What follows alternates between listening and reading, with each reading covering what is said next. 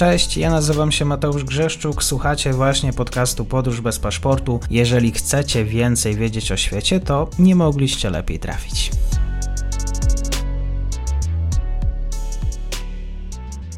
Partnerem odcinka jest Oanda, TMS Brokers, dom maklerski obecny na rynku już od ponad 20 lat. W opisie odcinka znajdziecie link do aplikacji, której możecie otworzyć konto maklerskie i grać na giełdzie, a wcześniej potrenować na koncie demonstracyjnym. Jeżeli otworzycie konto za pośrednictwem tego linku, dostaniecie na start książkę o tematyce inwestycyjnej. Zapraszam, Mateusz.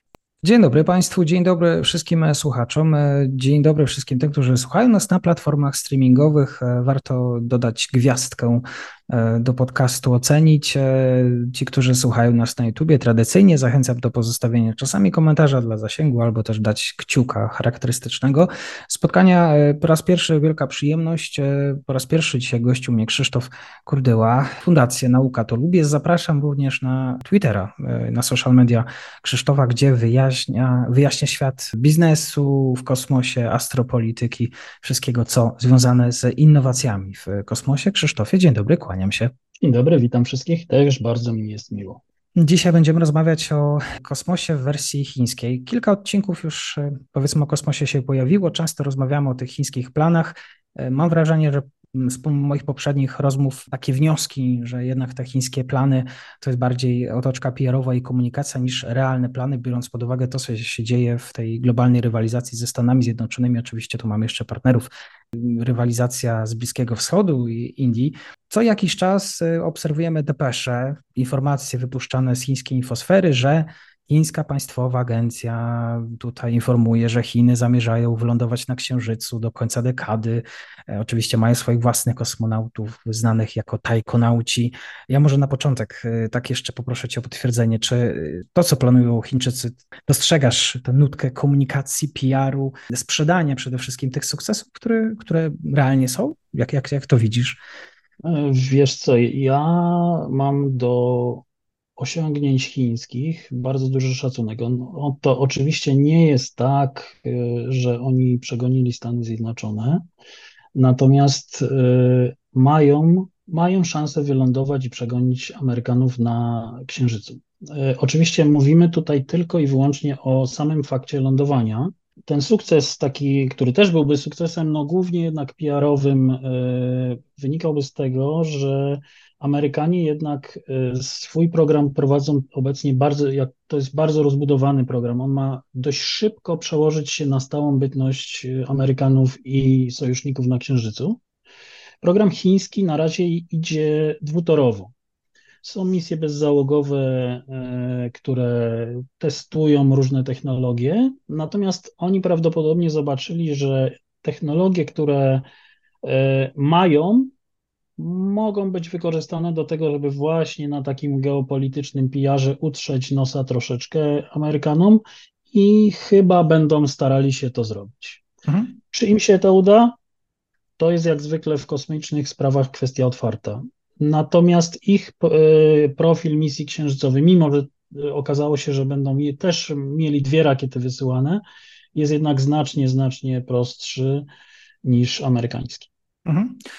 Może e, jeszcze dla wiedzy słuchaczy, takie kawa na ławę. Ten chiński sektor kosmiczny dzieli się na prywatny, państwowy. Jak wygląda ten cały mechanizm, układanka, kiedy patrzysz na, na cały ten biznes? No oczywiście główne skrzypce grają agencje państwowe, ich tam jest całkiem sporo. Chińczycy też próbują rozwijać tą prywatną, semi-prywatną nogę. E, przy czym jak to w Chinach, no to nie jest tak, że, że to są e, firmy, które powstały z nie wiadomo skąd, że przyjechał koleś z Malezji, tak jak przyjechał do, do Stanów Musk z RPA i założył sobie firmy. To są w większości firmy założone przez ludzi, którzy byli w tych agencjach.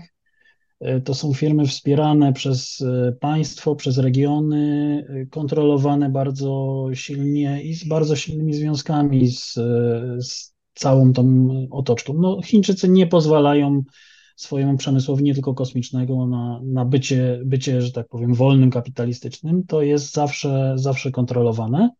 Natomiast oni po prostu chyba chcą spróbować też tej drogi, że być może uważają, że że agencje swoją drogą, a takie firmy, którym trochę popuścimy luzu, może coś zrobią e, zaskakującego. I, i tyle. Mają oczywiście problem ze zbalansowaniem tego, jak kontrolować, ile płacić, jak szybko efekty przychodzą. E, pierwszy start rakiety na paliwo ciekłe był na rządowych silnikach, nie na tych, które obiecywał startup, ale już ostatnio poleciała rakieta na metan. I tutaj trzeba powiedzieć jasno, że ten nieoficjalny metanowy wyścig na orbitę wygrała chińska firma, a nie amerykańska. Problemy z finansowaniem tego sektora raczej nie są tą chińską rzeczywistością. Chiny chcą kłaść pieniądze i to duże dosyć pieniądze. No właściwie można powiedzieć nieograniczone. Tam z tego też względu w ogóle tam ciężko liczyć e, koszty, tak jak liczy się w programach czy amerykańskich, czy E, czy prywatnych amerykańskich. No, nawet NASA musi się bić z kongresem o pieniądze. Wszyscy wie, e, każdy, kto się interesuje kosmosem, wie, jak, jak teraz jest na ostrzu noża budżet NASA położony, że być może wypadnie kilka ważnych misji. E, być może najdroższa misja w ogóle się rozsypie, ta sample return z Marsa no, to jest jednak kraj demokratyczny, który ma, jest po pierwsze kontrolowany dyplomatycznie, po drugie rozgrywany dyplomatycznie pomiędzy partiami. W Chinach rządzi partia komunistyczna, ona ma na kosmos bardzo mocno stawia i tam, jeżeli trzeba będzie pieniędzy, to one się znajdą. Trzeba było opracować jakąś ideę, strategię. Kiedy powstał właściwie pierwszy dokument? Kiedy wiemy o tym, jakie były te pierwsze kroki, chińskie kroki w podboju tego całego biznesu, podboju kosmosu? Kto wpadł na taki pomysł? No to, to, to są czasy jeszcze głębokiego komunizmu. E, i Mao. E, ten program e, początkowo, ale bardzo króciutko był prowadzony razem z Związkiem Radzieckim, ale bo dwa lata później wybuchł ten słynny kryzys pomiędzy tymi państwami, który zakończył się praktycznie zamrożeniem stosunków i do lat 90., co, czego wiele, wiele osób nie wie, bo bardzo wiele osób myśli, że w ogóle chiński program opiera się na radzieckim, a potem rosyjskim. Nie, owszem, tam e, ten zaczątek tego, tego e, kosmicznego przemysłu w latach 70. był na bazie tych dwuletnich, tej dwuletniej rosyjskiej współpracy, ale potem oni większość rzeczy wypracowywali sami. Oczywiście jakieś tam korzystając z jakiegoś reverse engineeringu, ale wypracowując też swoje rzeczy. Na przykład mieli całkiem udaną serię e, satelitów, które miały moduły powrotne, I na przykład Niemcy korzystali z, e, do robienia jakichś eksperymentów na orbicie z tych rzeczy. Teraz się do tego pomysłu powraca. E, w Stanach na przykład. No i dopiero jak Rosja, jak Związek Radziecki upadł, Rosja miała ogromne problemy finansowe, to Chiny zdecydowały się skorzystać, zakupiły licencje na pewne, na część rzeczy, które były im potrzebne. Przy czym znów to nie jest kopiowanie, E, akurat w tym zakresie Chiny bardzo mocno, znów bazując na rosyjskich technologiach, oni je bardzo rozwinęli, bardzo unowocześnili i pomimo, że da się w ich statkach zobaczyć, że one pochodzą od Sojuza, to są zupełnie inne statki, e, znacznie lepsze niż to, co, czym obecnie dysponuje Rosja. Jeżeli rozmawiamy 6, 6 sierpnia, czy te plany, ambitne plany w przeciągu ostatnich, powiedzmy, lat zmieniały się, chińskie plany, czy to jest ta sama cały, cały czas narracja? E, mieliśmy po drodze oczywiście pandemię COVID, która być może też e, pokrzyżowała e, pewne wizje, w szczególności biznesowe. Wiemy też o, o swego rodzaju jakimś kryzysie w Chinach. Dzisiaj celem numer jeden jest? Dzisiaj celem numer jeden jest zostanie za powiedzmy 10-15 lat naj, największym mocarstwem kosmicznym. To jest jakby cel główny. Księżyc, tak jak mówię, też jest wśród tych celów, bo to jest oczywiste, natomiast jakby samo wyprzedzenie Amerykanów na tą chwilę ja odbieram bardziej jako takie chęć utarcia nosa. To mhm. nie jest żaden, żadna strategiczna rozgrywka, że na, na, takim poziomie, że oni tam będą pierwsi, to coś osiągną. Mogą osiągnąć, jeżeli w sumie wręcz przeciwnie, bo jeżeli utrą nos Amerykanom, to też trzeba się zastanowić, jakie reperkusje wywoła to u Amerykanów. Czy u Amerykanów nie otworzą się pieniądze na pełną skalę, tak? Ale no, myślę, że i tak e, warte byłoby ich wyprzedzić dla, dla KPH. Mhm. Surowce? Z, surowcem, no, z surowcami księżycowymi to jest tak, że ten wyścig oczywiście ma na celu wykorzystanie tych surowców, ale to jest jeszcze daleka, daleka perspektywa. Tylko żeby do nich dotrzeć, teraz trzeba iść naprawdę pełną parą, zdobywać technologię, rozwijać przemysł, bo bez tego nie będzie. Co, kiedy, jak stanie się opłacalne do przywożenia z Księżyca? Trudno powiedzieć. Na początku będzie to na pewno wykorzystywanie e, surowców do rozbudowy tamtejszej infrastruktury. Że tak powiem, sam na przykład HEL 3, który jest tak bardzo często w mediach głośno określany, to jest e, prawdopodobnie kwestia 150-200 lat, jeśli w ogóle, ponieważ fuzja oparta o HEL 3 nie została jeszcze opracowana. Znaczy, my nie mamy w ogóle działających e, elektrowni fuzyjnych no bo i, te, i czekamy cały czas na, na, to, na, tą, e, na, na te fuzyjne e, elektrownie, tylko one są oparte o deuterytryt. Natomiast do Helu 3 trzeba innych elektrowni, których w ogóle jeszcze nawet nie testujemy w żadnym stopniu. Także ten Hel 3 jest jakimś tam, jakąś tam wizją, ale to jest wizja dalekiej przyszłości. Dlatego, tak jak mówię, na początek to będzie zarobek głównie na tym, że wyścig na Księżyc, wyścig na Marsa da krajom, które się w niego włączą, ogromny skok technologiczny. Czyli technologie, które się opracuje dla kosmosu, dla pokonania tych wielkich trudności, wykorzystamy też na Ziemi i da to kopa porównywalnego albo większego, jak kiedyś dał Stanom program Apollo.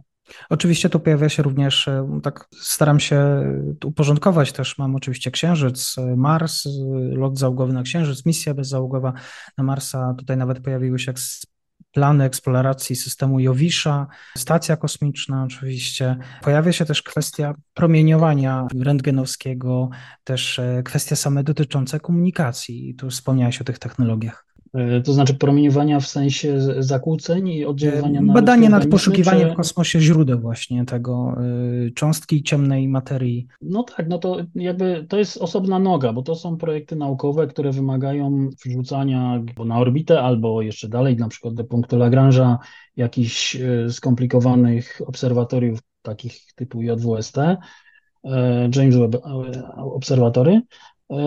Natomiast jakby to jest jakby mimo wszystko ta część taka badająca kosmologię, ona też przełamuje technologiczne bariery, natomiast w tej geopolitycznej części ona tak trochę mniej uczestniczy. Uczestniczy bardziej tak podskórnie, to znaczy Chiny na przykład e, bardzo starają się ściągać do siebie zachodnich naukowców, oferując im czas pracy, czy na tym wielkim radioteleskopie, jak Arecibo wiadomo, że padło i te, Chiny zostały właściwie z jedynym takim narzędziem tak potężnym, 500-metrowym e, radioteleskopem naziemnym. E, to samo może być ze stacją. Jeżeli Amerykanom nie uda się zazębić nowych stacji z, z Międzynarodową Stacją Kosmiczną, która się starzeje, e, no to Chińczycy mogą mieć poważny atut w ręku dla naukowców zachodnich. A wiadomo, z czym się to wiąże. No, udostępniasz czas, udostępniasz transmisję, udostępniasz eksperymenty, oni, się, oni z tego wszystkiego się uczą, tak? Mhm. Bo rozumiem, są takie instytucje jak Chińska Akademia Nauk, też e, korporacje, które zajmują się. Są, jest mnóstwo agencji i oni ściągają skąd się da wiedzę, tak? Także e, to, to jest taka podskórna walka. Natomiast jakby ta główna geopolityczna konkurencja no, wiąże się z orbitami jednak, czyli E, tutaj Chiny mają na przykład tyły w związku z megakonstelacjami, tak? No jednak Amerykanie dzięki SpaceX i Starlinkowi są w stanie wysyłać ogromne ilości satelitów i budować szybko swoje megakonstelacje.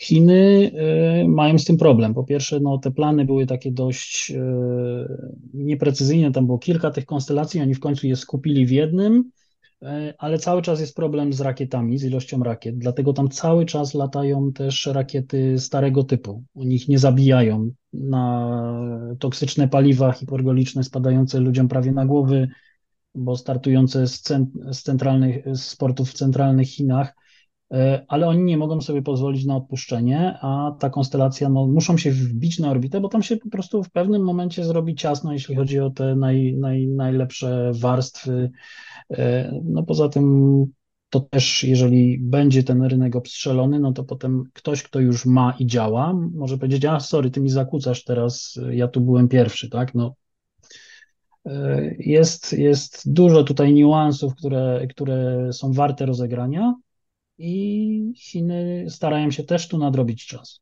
Mhm. Jak uczestniczy w tym całym programie chińska armia, chińskie siły zbrojne, biorąc też pod uwagę wątek militaryzacji kosmosu? No tak naprawdę nie wiadomo. Dokumentów nawet cywilnego programu chińskiego jest bardzo mało. Przekopywanie się przez to oczywiście z translatorem jest mega, mega skomplikowane. E, o chińskiej armii często wiadomo, że leci niewiadomy ładunek na danej rakiecie. Albo chodzą pogłoski, że ten ładunek jest niby cywilny, ale on też ma znaczenie dla wojska, a tak naprawdę, biorąc pod uwagę, jak działają e, chińskie zasady, nawet dla, dla serwerów zachodnich firm typu, nie wiem, Apple, e, to no, państwo ma tam dostęp do wszystkiego. Mhm. I to wszystko jest podporządkowane od strony y, zbierania danych informatycznych, jest podporządkowane państwu i w konsekwencji wojsku. Mhm. Czyli y, dobrze rozumiem, nie wiemy zbyt wiele na temat tego, jak kompatybilny jest ten system właśnie z, z program kontekst, w kontekście wojskowym, może tak. No, ja, ja bym zaryzykował stwierdzenie, że cały program chiński jest w dużej mierze dual use. Wszystkie mhm. rzeczy, które są, wojsko ma do nich dostęp, no, ponieważ tak, tak tam się załatwia. Natomiast nie ma tam, no, jak weźmiemy amerykańską, e, amerykańskie US Space Force i chcemy sobie przeczytać, jak oni robią konstelację wojskową SDA, to może to wchodzimy, widzimy, że są takie warstwy, takie warstwy, satelity są tego typu, tego typu, mają łączenia takie. Oczywiście nie znamy technikaliów różnych, róż głębszych, ale ogólną zasadę znamy, znamy finansowanie. W Chinach takich rzeczy praktycznie, praktycznie nie ma. Mhm. Marcin Przychodniak, analityk Polskiego Instytutu Spraw Międzynarodowych właśnie do spraw Chin, w tekście, który był opublikowany kilka lat temu, co prawda, miał powiedzieć, napisał, że e, kosmos to dla Chin terytorium strategiczne, traktowane niemalże jak Morze Południowochińskie. Zgodzisz się z, z tym zdaniem? Zgodzę się i do tego jeszcze oni budują na tym e, dumę narodową. To jest ewidentnie jeżeli przejrzysz sobie materiały na YouTubie e, tych chińskich telewizji, tam e, stare osoby z, e, budujące program kosmiczny w latach 60., 70. są zapraszane, traktowane jak gwiazdy. Są lekcje w szkołach z stacji kosmicznej transmitowane. Budują na osiągnięciach kosmicznych też właśnie taką dumę narodową i taką, takie poczucie właśnie, że oni są pełnoprawnym mocarstwem ale to jest tak, że traktują przestrzeń kosmiczną jako przestrzeń wspólną, czy raczej tam da się, tam trzeba współpracować, czy jednak e, wystarczy okręty, tak jak w przypadku Tajwanu, otoczyć wyspę? Jak, jak, jakie podejście? Znaczy, Chiny, Chiny oficjalnie mają podejście takie, że oni bardzo chętnie wszędzie będą współpracować. E, tak, to, że nie ma ich na przykład na ISS, to jest decyzja amerykańska, a nie decyzja chińska. Natomiast e, w, jakim, w jaki sposób, jak oni tą przestrzeń traktują, no, no, też do końca nie wiadomo. To jest w ogóle teraz e, rzecz, która będzie się dopiero wykuwać. Nowy ład kosmiczny, ponieważ stare traktaty kosmiczne no, stają się coraz bardziej dysfunkcyjne. E, Amerykanie mają Artemis Accords, na bazie których starają się stworzyć taki nowy ład, który zresztą w, w, wobec tych starych traktatów no, czasami idzie trochę pod prąd. E, w Chinach nie ma takich dokumentów, e, natomiast no, jest wiadome, że oni będą mówić, że oni są przeciwni zbrojeniom w kosmosie e, i tak dalej, i tak dalej, i będą robić swoje, tak. Znaczy do tego momentu, dopóki nie podpatrzą Zachodu na tyle, ile chcą, e, ta współpraca no, w pewien sposób e, jest dla Chińczyków e, przydatna. Oni tak. chętnie na to patrzą, bo po prostu chodzi o no, w jakiś spo, sposób rodzenie kopiowania kopiowanie technologii. Jak z tym jest? No, nawet to nie musi być nawet kopiowanie jeden do jeden, że coś wykradną, ale no, jeżeli z kimś pracujesz przy jakichś technologiach, jesteś podwykonawcą czegoś, to automatycznie uczysz się rzeczy, przy której, o której pracujesz. Więc oni, mając powiedzmy w iluś miejscach zaległości, dla nich każda współpraca jest cenna. Natomiast trzeba też przyznać, że Amerykanom dość dobrze udało się odsunąć e, współpracę z Chinami od Zachodu. Nie całkowicie, bo, bo gdzieś tam polskie instrumenty są na, na chińskiej stacji kosmicznej, europejskie ale jest to mocno ograniczone i będzie prawdopodobnie się to wszystko rozchodziło coraz bardziej. Pewnie z jakimiś wyjątkami, jak niektóre kraje będą starały się gdzieś tam coś ugrać, liczyć, że Amerykanie nie, nie zareagują. No, to zawsze tak działa w polityce, prawda? Mhm. Kosmiczny Nowy Ład, y, ta gra geopolityczna. Kto będzie tym, powiedzmy, wyobrażasz sobie sytuację, w której ci wszyscy partnerzy siadają do okrągłego stołu, ustalają jakieś y, zasady, czy wygrywa ten, który, no powiedzmy, jest dzisiaj pierwszy w tym peletonie? Wiesz co, to jest, e, myślę, zależne trochę mniej od samego kosmosu. Wiesz, jak jest na świecie. No, na świecie zdarzają się sytuacje jak kryzys kubański, gdzie wszyscy dojdą do takiego momentu, że obie strony stwierdzą, że cholera, może lepiej się cofnąć, nie? E, I jeżeli to napięcie chińsko-amerykańskie dojdzie do, nie wiem, ostrzelają się choćby przypadkowo jakimiś rakietami i stanie to na krawędzi jakiejś naprawdę poważnej wojny, to może te strony siądą, może, może jak już parę razy w historii cywilizacji bywało, może obie strony cofną nogę i wtedy zasiądą. Natomiast myślę, że sam kosmos nie byłby tutaj e, jakby triggerem do czegoś takiego. To, to tam po prostu będzie się toczył swój wyścig technologiczny na razie. E, tam na razie nie grożą nam jakieś spektakularne wojny, bo nie mamy takich technologii jeszcze, żeby, żeby się, nie wiem, ostrzeliwać, bić myśliwcami kosmicznymi. To naprawdę jeszcze nie te czasy. Jeszcze jest potrzebne naprawdę dużo pracy przy napędach, przy paliwach, żeby, żeby taka e, klasyczna wojna mogła się tam zdarzyć. No, można sobie zestrzelić satelitę i co dalej? E, trzątki polecą w górę, w dół. Jeżeli uszkodzą następnego, to za chwilę nikt nie będzie latał w kosmos i, i tyle. Radek Kosaszycki w rozmowie wielokrotnie ze mną wspominał, że typo, w ogóle wojna w kosmosie to jest raczej science fiction, coś mało realnego z uwagi na to, że jak bardzo jesteśmy wszyscy, tworzymy naczynia połączone, jak bardzo jesteśmy zależni, jak e, tak naprawdę możemy zaskoczyć, e, znaczy zaszkodzić e, przede wszystkim samym sobie. No zgadza się. To mówię, no dzisiejsze statki kosmiczne mają silniki, jakie mają, tak? One nie są wydajne, one są uzależnione od. My tak naprawdę na orbicie nawet nie jest, nie mamy obecnie jakichś e, rzeczy, które umożliwiałyby przetankowywanie e, statku, tak? Co wydaje się być dość proste. No, takie operacje są może robione na stacjach kosmicznych, gdzie się dowozi paliwo, a dopiero w planach. Amerykanie mają jakieś stacje właśnie takie ben, nie benzynowe, tylko paliwowe, orbitalne, ale tak czy inaczej, no to jest trudne. Mechanika orbitalna to nie, to nie jest tak jak wojna samolotów, tak? Bitwa, bitwa lotnicza, gdzie zresztą nawet bitwy lotnicze dzisiaj nie wyglądają tak, bo, bo większość myśliwców jest nowoczesnych, działa spoza linii wzroku, także no to, to jest, mówię, to jest na chwilę obecną to jest wyścig bardziej technologiczny. Ktoś tam się może przepychać, ktoś tam może sobie, nie wiem, e, oślepiać czujniki, tak jak Rosja próbuje robić e, e, satelitom tym, które działają na rzecz Ukrainy.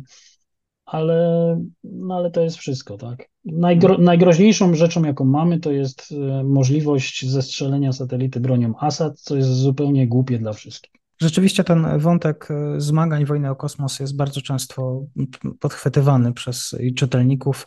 E, coraz częściej pojawia się ta astropolityka. Myślisz, w którym momencie e, Chiny będą już gotowe zastąpić Stany Zjednoczone jako dominującą potęgę kosmiczną? No, no, znaczy Chiny mentalnie są gotowe nawet dziś. E, tak naprawdę, czy to się wydarzy, zależy bardziej od Stanów Zjednoczonych. Stany Zjednoczone cały czas naukowo, technologicznie, doświadczeniowo mają dużą przewagę nad Chinami, mają problemy z finansowaniem swoich programów kosmicznych. No tam po prostu nie ma takiej studni e, bez dna w portfelu, e, jak, jak, jaką mają Chińczycy. No i tyle. I pytanie jest, e, czy Stany Zjednoczone w pewnym momencie otworzą, zdecydują się iść tak e, szerzej w tym temacie. Jeśli to zrobią, to Chiny ich mimo wszystko nie, do, nie dogonią, przynajmniej nie w jakiejś tam perspektywie takiej, której możemy e, możemy oceniać, nie wiem, dwóch, trzech dekad. Z jednym wyjątkiem, jeśli trafi się gdziekolwiek geniusz, który wymyśli coś, co zupełnie wywróci, e, wywróci jakby techniki kosmiczne, ale no, to taka rzecz jest nie do przewidzenia. To jest e, jak w 2000 bodajże 16 wielu specjalistów prorokowało, że to Hindusi będą e, takim motorem New Space, bo oni wynosili najtaniej satelity. Nikt wtedy jeszcze do końca nie wierzył w to, że Musk rzeczywiście będzie tyle razy wracał tymi rakietami, że one będą tak tanie i, i tak dalej. I wystarczyło parę lat i nagle cały biznes kosmiczny tak naprawdę został wywrócony do góry nogami. I, i, i wiele osób się przejechało na analizach, e, jak, jak to zrobić. I teraz, jeśli ktoś wymyśli coś takiego rzeczywiście przełomowego, o czym jeszcze nie wiemy, to może, może takie państwo uzyskać jakąś tam przewagę. Ale w takim normalnym trybie, o którym rozmawiamy, tak jak widzimy, jak to się rozwija, to jeśli Stany nie zdejmą nogi z gazu, to Chiny będą bardzo powoli zmniejszały ten dystans, ale, ale Amerykanie będą mieli spory zapas y, technologiczny z przodu u siebie. Jeżeli ktoś obserwuje komunikaty komunistycznej partii Chin lub też e, myśli Xi Jinpinga, to wie o tym, że no, przywódca chiński traktuje pomysł statik, zmianki stacji kosmicznych, właściwie walkę o kosmos, kosmos bardzo poważnie. Cały czas trwa ten chiński e, wielki marsz, tym razem kosmiczny marsz. Dziękuję za wyjaśnienie dzisiaj realiów e, chińskiego programu. Zapraszam Państwa na kanały, w szczególności Twitter Krzysztof Kurdyła, który dzisiaj był gościem programu. Kłaniam się, do usłyszenia. Dziękuję bardzo wszystkim. I to już koniec na dzisiaj. Zapraszam na profil podcastu Podróż bez paszportu na Facebooku, Instagramie i Twitterze. Zachęcam też do wsparcia mojej pracy na serwisie Patronite oraz Buy Coffee. Do usłyszenia.